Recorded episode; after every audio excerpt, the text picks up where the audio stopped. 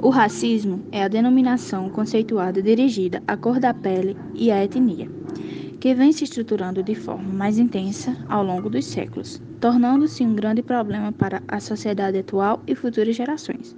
O Brasil teve como principal defensora ao combate ao racismo Marielle Franco, que lutava pelos direitos de pessoas negras, por mais acesso à educação em favelas e periferias, pelo direito das mulheres e pela comunidade LGBT. A morte de Marielle foi um grande impacto para a sociedade, que gerou protestos e repercutiu no mundo todo.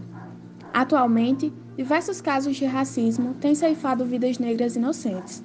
A sociedade deveria conscientizar sobre os malefícios que o racismo causa, a fim de que é algo desprezível e que deveríamos ter mais respeito ao próximo. Não precisamos ser negros para lutar contra o racismo, só precisamos ser humanos.